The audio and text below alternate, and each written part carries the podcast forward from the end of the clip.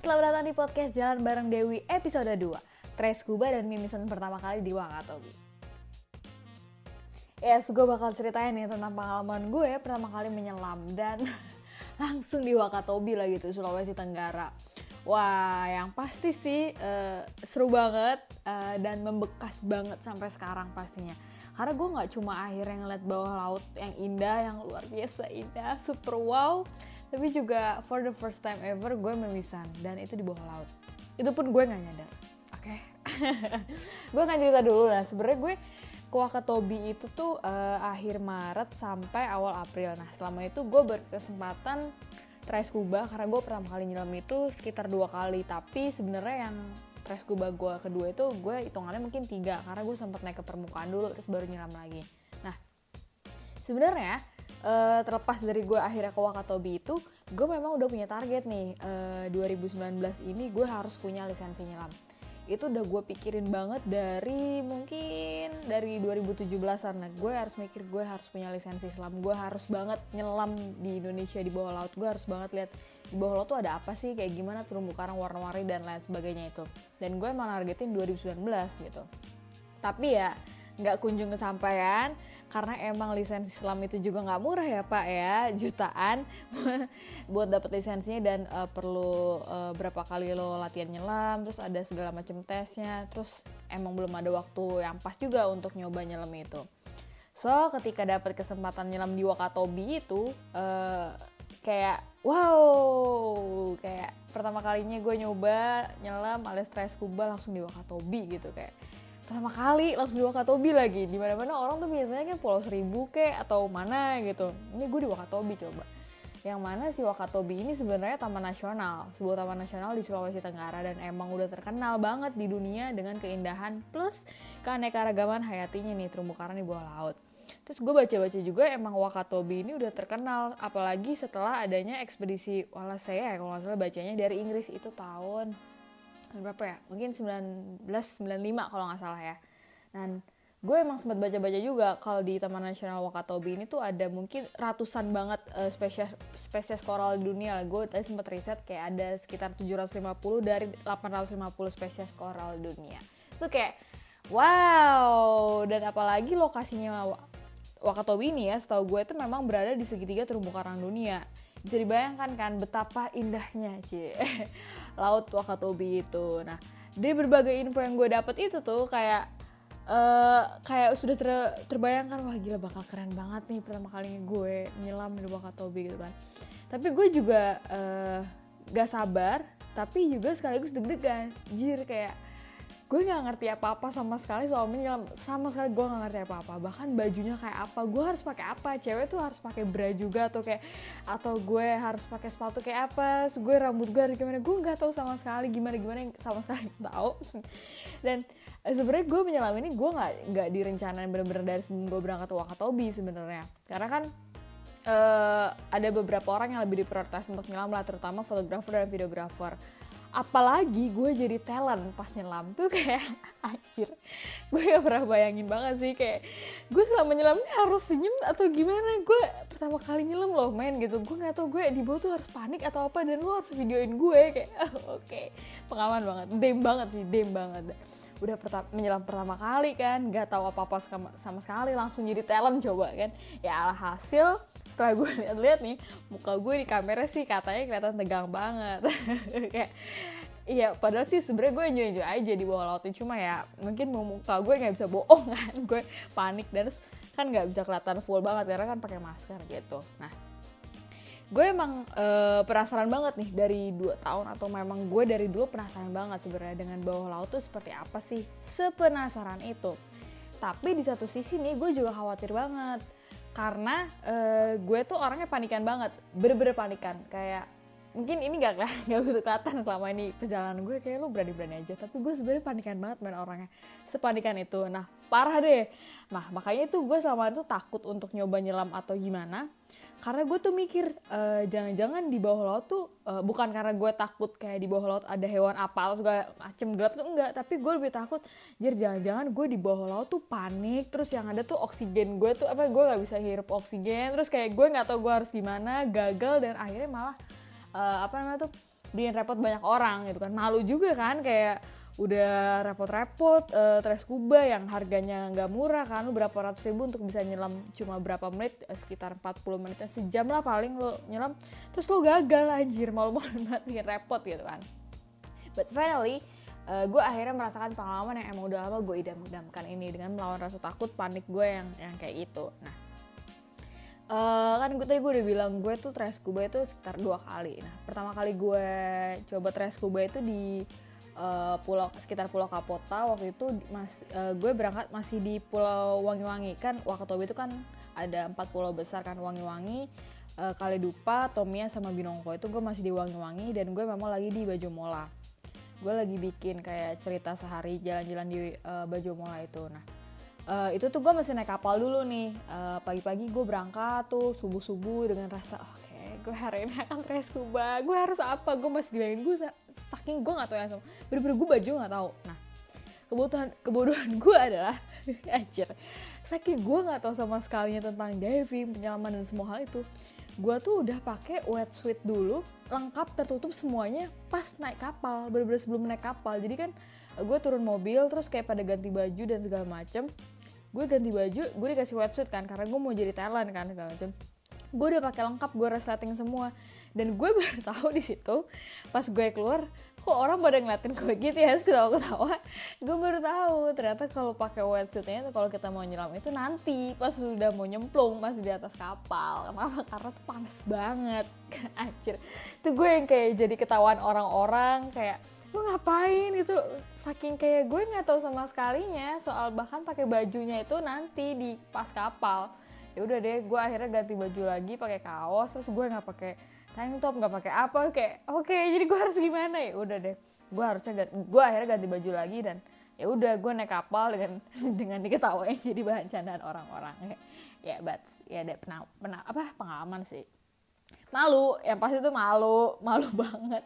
Tapi ya gimana emang gue nggak tahu itu kan? Nah ya udah tuh uh, penyelaman pertama gue di sekitar Pulau Kapota dan karena ini memang gue tres scuba pertama kalinya gue masih ada badi yang nemenin. Nah uh, waktu itu nama badi gue itu Pak Albar. Pak Albar emang orang dari suku baju molanya itu dan dia udah uh, lisensinya dive master kalau nggak salah. Dia tuh bakal jadi selama jadi badi ya itu tuh bakal jadi pemandu sekaligus pengendali nyawa gue selama di bawah laut. Jadi kan kalau lo uh, diving nyelam itu lo pakai alat pernafasan yang nyambung oksigen segala macem. Lah itulah gue lupa namanya.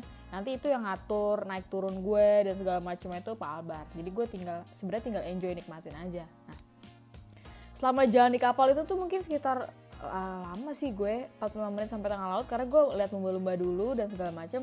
Gue tuh udah deg-degan gitu kayak aduh ini beneran jadi nih mana gue jadi talent kan gue harus gimana nih gue gak tahu apa-apa. Ya sebelum nyelam memang uh, gue dijelasin dulu berbagai hal lah segala macem. Peralatan terus istilah-istilah penyelaman dan segala macamnya itu mulai dari masker regulator pemberat fin dan lain-lain makin panik sebenarnya karena gila banyak banjir gitu. Gue harus ngafalin dan segala macemnya kan. Bagi urusan selang-selang pernapasan ngecek oksigen udah merah atau di angka berapa segala macam banget ya sudah lah gue berusaha santai relax dan mensugesti diri gue. Kalau Dew, ini tuh kesempatan langka banget yang emang udah lama lo nanti. Jangan sampai gagal. Wah ini Wakatobi udah jauh-jauh Wakatobi, jangan sampai lu gagal ya. Gagal lu panik doang. Ya udah, gue akhirnya berusaha relax, uh, tenang, menenangkan diri. Ya udah deh, abis itu gue juga diajarin tuh uh, isyarat-isyaratnya kayak naik tuh uh, jempolnya ke atas, turun, terus berhenti atau gimana. Dan gue juga mulai bersiap pakai semua alat. Pakai wetsuit yang bener. Pakai wetsuit yang bener gue segala macem. Uh, gendong uh, tanknya pakai pemberat dan segala macem dibantu sama teman-teman gue di situ. Terima kasih teman-teman. Terus akhirnya gue ke pinggir kapal speedboat duduk dan backroll nah backroll uh, dari atas kapal jebur ke laut. Uh, ribet sih karena uh, mungkin kan pertama kalinya banget kan bener-bener pertama kali dan uh, belum lagi tangkinya itu mesti berat banget gue gendong pak gitu kan. Terus gue ribet sama rambut gue gue nggak kunciran dan segala macem. Nah, ya udah akhirnya anyway uh, but anyway sebelum gue nyebur tuh memang udah ada tim gue di bawah. Kamera uh, kamera kamera videografer fotografer dan tentunya pak Albar. Jadi ya sebenarnya uh, lebih tenang lah gitu untuk nyebur. So ya udah biur didorong sama Syukro untuk backroll gue nyebur deh masuk ke laut sih.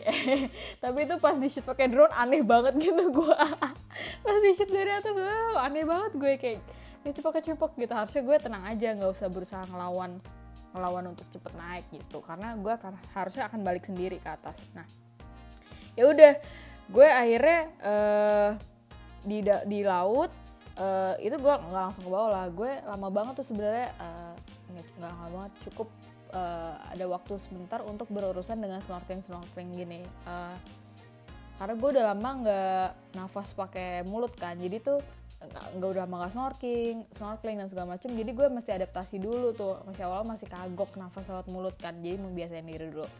Setelah udah gue yakin semuanya aman ya udah gue akhirnya lanjut ngasih kode ke Pak Albar oke okay, Pak gitu. Nggak ngomong sih pakai pakai cara tangan oke okay, gitu. Lanjut deh gue makin dibawa ke dalam. Gue kayak ya Allah ya Allah ya Allah menyelam nagih banget keren banget semuanya. Padahal tuh kayak ya mungkin sebenarnya kalau orang yang sering diving ah itu biasa aja deh itu masih belum ada apa-apanya lu harus nyelam baru lu lebih wow lagi. But for the first time ever tuh kayak gue kayak kalau bisa nangis di bawah laut gue nangis. Karena keren banget dan senagi itu. Gue akhirnya lihat tumbuh karang terus gue bisa berenang sama ikan-ikan terus kayak kanan kiri gue ikan terus kayak wah ikan-ikan gue berenang sama ikan. Terus bener-bener akhirnya gue merasakan pengalaman menyelam gue gitu. Yang emang udah lama gue idamin yang tadi gue bilang. Emang sih beberapa kali tuh selama nyelam itu di bawah laut uh, itu gue mesti kayak uh, telinga gue kayak sakit gitu loh. Itu tuh karena equalizing gue belum pas teknik gue tapi gue berusaha aja untuk terus terapin uh, teknik-teknik cara-cara yang sebelumnya di kapal udah diajarin. Kalau kuping lo sakit kayak gini. Kalau misalkan masker lo kemasukan air kayak gini. Gue berusaha untuk menerapkannya. Dan gue nahan sakit itu sih. Kayak uh, jangan sampai gue gimana-gimana di bawah ini. Gue sih sebenarnya uh, bersyukurnya gue nggak panik uh, di bawah laut itu yang tadi kan gue takut banget tuh anjir jangan-jangan gue bakal panik banget di bawah laut dari ngerepotin but thanks finally gue tuh nggak panik. Di situ gue malah kayak gue pengen terus ke dalam.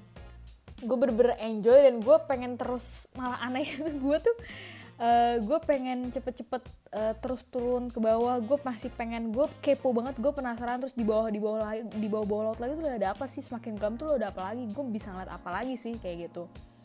Padahal sebenarnya emang uh, buat gue yang per baru pertama kali try scuba ini belum boleh untuk ke kedalaman berapa gitu. Jadi ada batas maksimalnya gitu uh, itu udah ada aturannya gitu loh. Terus ya udah gue emang sebenarnya banyak bingungnya sih waktu menyelam pertama kali itu try scuba kayak ini tuh tangan gue tuh gerak-gerak gak sih? Kayak renang yang gaya katak atau kayak gimana? Atau kaki gue tuh berenang apa gimana sih? Gue tuh bingung itu. Ya gue kira kan uh, gue harus berenang gitu kan gue kira. Gue nggak tahu.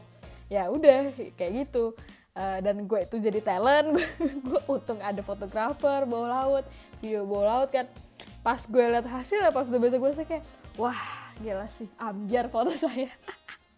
Diceng-cengin gue diketahui udah kayak Superman karena uh, kayak gitu loh kayak berenang gitu. Harusnya tuh nggak kayak gitu tangan gue atau kaki gue. Harusnya tuh gue malah meminimalisir uh, gerakan-gerakan yang nggak perlu lah selama di bawah laut karena itu ngaruh ke kebutuhan oksigen gue gitu. Nah selama di bawah laut itu juga Pak Albar yang jadi body gue ini uh, megangin tangki gue gitu loh. Jadi dia kayak uh, bawa anak anjing bawa gue gitu ke sana ke sini ngeliat-ngeliat spot ngeliat-ngeliat terumbu karang terus kayak ini nenjek-nenjek gitu. Kayak walaupun gue nggak tahu itu namanya ikan apa itu apa gue nggak tahu tapi itu keren banget semua. Dan semua itu super super menyenangkan. Gue berkeliaran jadi gue berkeliaran di sekitar Pulau Kapota itu Tres Kuba itu for the first time itu sekitar 45 menit dan itu super nagih gitu. Uh, alhamdulillahnya ya gue di lain kesempatan juga akhirnya ikut try scuba lagi. Dan kali ini di tempat yang beda uh, gue tuh di Secret Garden. Nah kalau sebelumnya itu kapalnya aman-aman aja tuh kayak uh, aman lah gue liat lumba-lumba dulu segala macam nah yang kali ini tuh um, agak menarik ya pak karena uh, speedboat gue itu terombang ambing di tengah laut karena ada masalah dan ombaknya juga agak something. Itu gue kayak uh, kalau soal nyelam nyelam gue lebih tenang gitu sih sebenarnya. Dan terus coba alihin pikiran gue untuk kayak uh, lo harus nyelam lagi di Wakatobi men. Lo lo mungkin nggak akan dapat kesempatan lagi ini dalam waktu dekat. Lo kapan lagi gitu? Lo udah jauh-jauh jir ke sini masa lo kalah sama rasa panik lo kebiasaan gue tuh kayak gitu emang kayak kalau gue takut atau apa gue selalu mensuggest diri gue enggak enggak itu keren banget lo harus nonton uh, lo harus nonton. Lo harus ngerasain itu gitu. Lo belum tentu dapat itu lagi nanti nanti ya udah uh, di tres gue yang kali ini persiapan gue lebih mateng lebih aman. Gue nggak salah lagi pakai wetsuit kan? Terus pakai pemberat sendiri dan lain-lain. Terus dan gue kembali back roll serta menyelam bareng body yang beda. Kali ini body gue tuh masyukron nah uh, pas udah nyebur tuh sebenarnya gue agak bingung sih. Karena kan uh, bedanya tuh di tres kuba yang ini tuh Mas Syukran yang body gue itu megang dua orang gue sama temen gue satu lagi.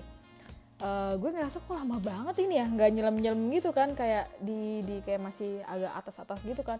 Ini kok nggak turun turun ke bawah bawah lagi ya gitu kan. Terus ternyata uh, temen gue yang satu ini panik uh, panik gitu loh di bawah laut dan minta naik ke atas buru-buru. Ya udah akhirnya uh, mesti naik ke atas lagi uh, ke permukaan lagi uh, udah beres baru deh. Setelah itu gue dibawa sama Mas Syukron ke bawah lagi. Ini agak beda sih pas lo nyelam itu kayak lebih datar dulu ke datar terus baru swing ke bawah gitu. Nanti mungkin gue akan kasih fotonya di blog gue ya. Kalau agak susah menggambarkannya.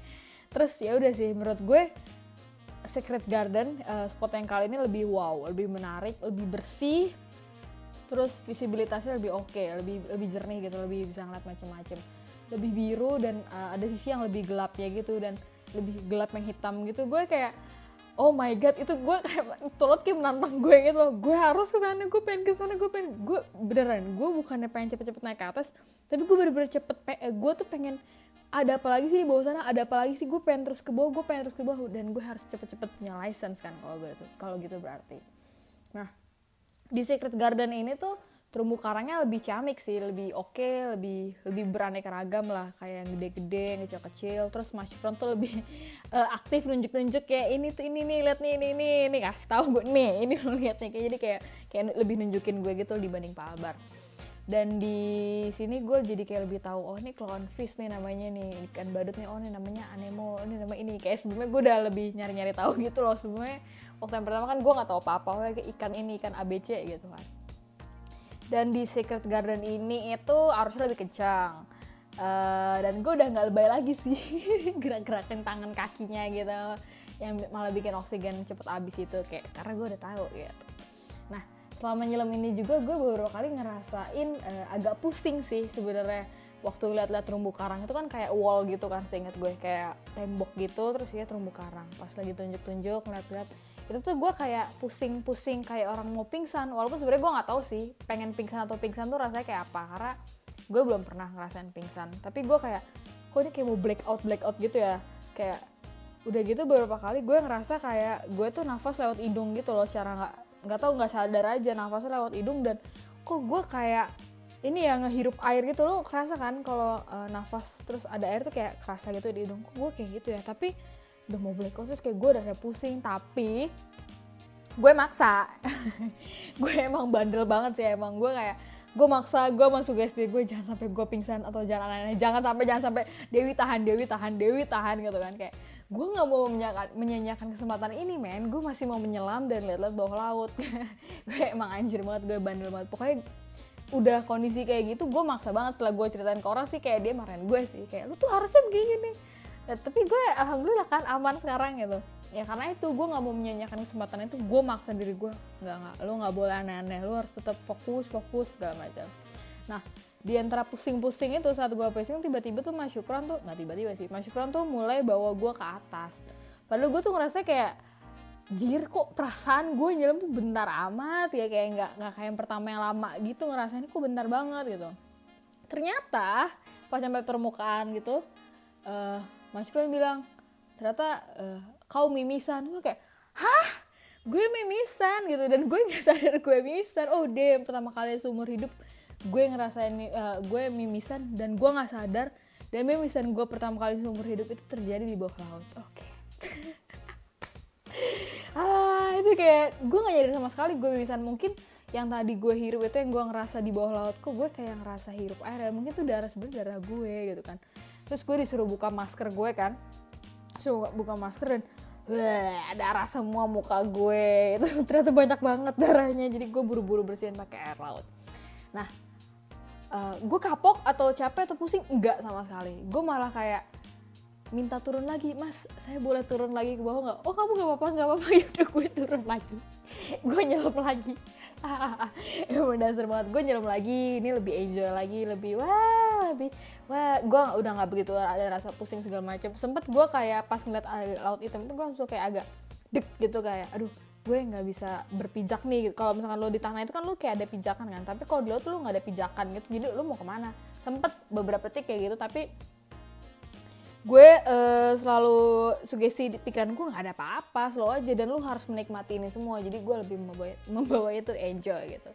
Dan semua pengalaman try scuba di Wakatobi ini emang menurut gue bener-bener sangat-sangat mengesankan dan bikin gue tuh makin menggebu cepet-cepet ambil license untuk selam dan lihat laut-laut lainnya di Indonesia terutama ya di berbagai tempat. Ya semoga aja sih.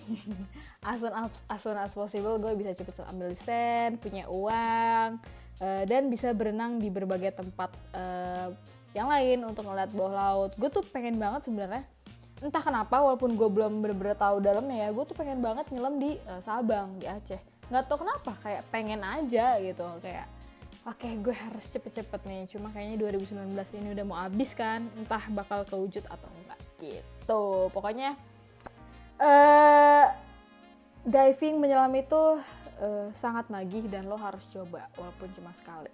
Terutama di tempat-tempat yang mungkin kayak Wakatobi gitu sih kalau Pulau Seribu gue nggak tahu sih dalamnya kayak apa nagih dan lo harus coba seumur hidup minimal sekali oke okay. Uh, eh, mungkin itu aja sih podcast Jalan Bareng Dewi episode 2 ini Cerita gue tentang tres scuba pertama kali Sekaligus pemisahan pertama kali di bawah laut Uh, thank you udah dengerin gue. Sorry kalau misalkan banyak ada salah-salah, terlalu santuy atau gimana. Thank you udah dengerin podcast Jalan Bareng Dewi. Dengerin terus, follow terus ikutin podcast gue dan hashtag Jalan Bareng Dewi di Instagram. Sampai jumpa di podcast selanjutnya. See ya!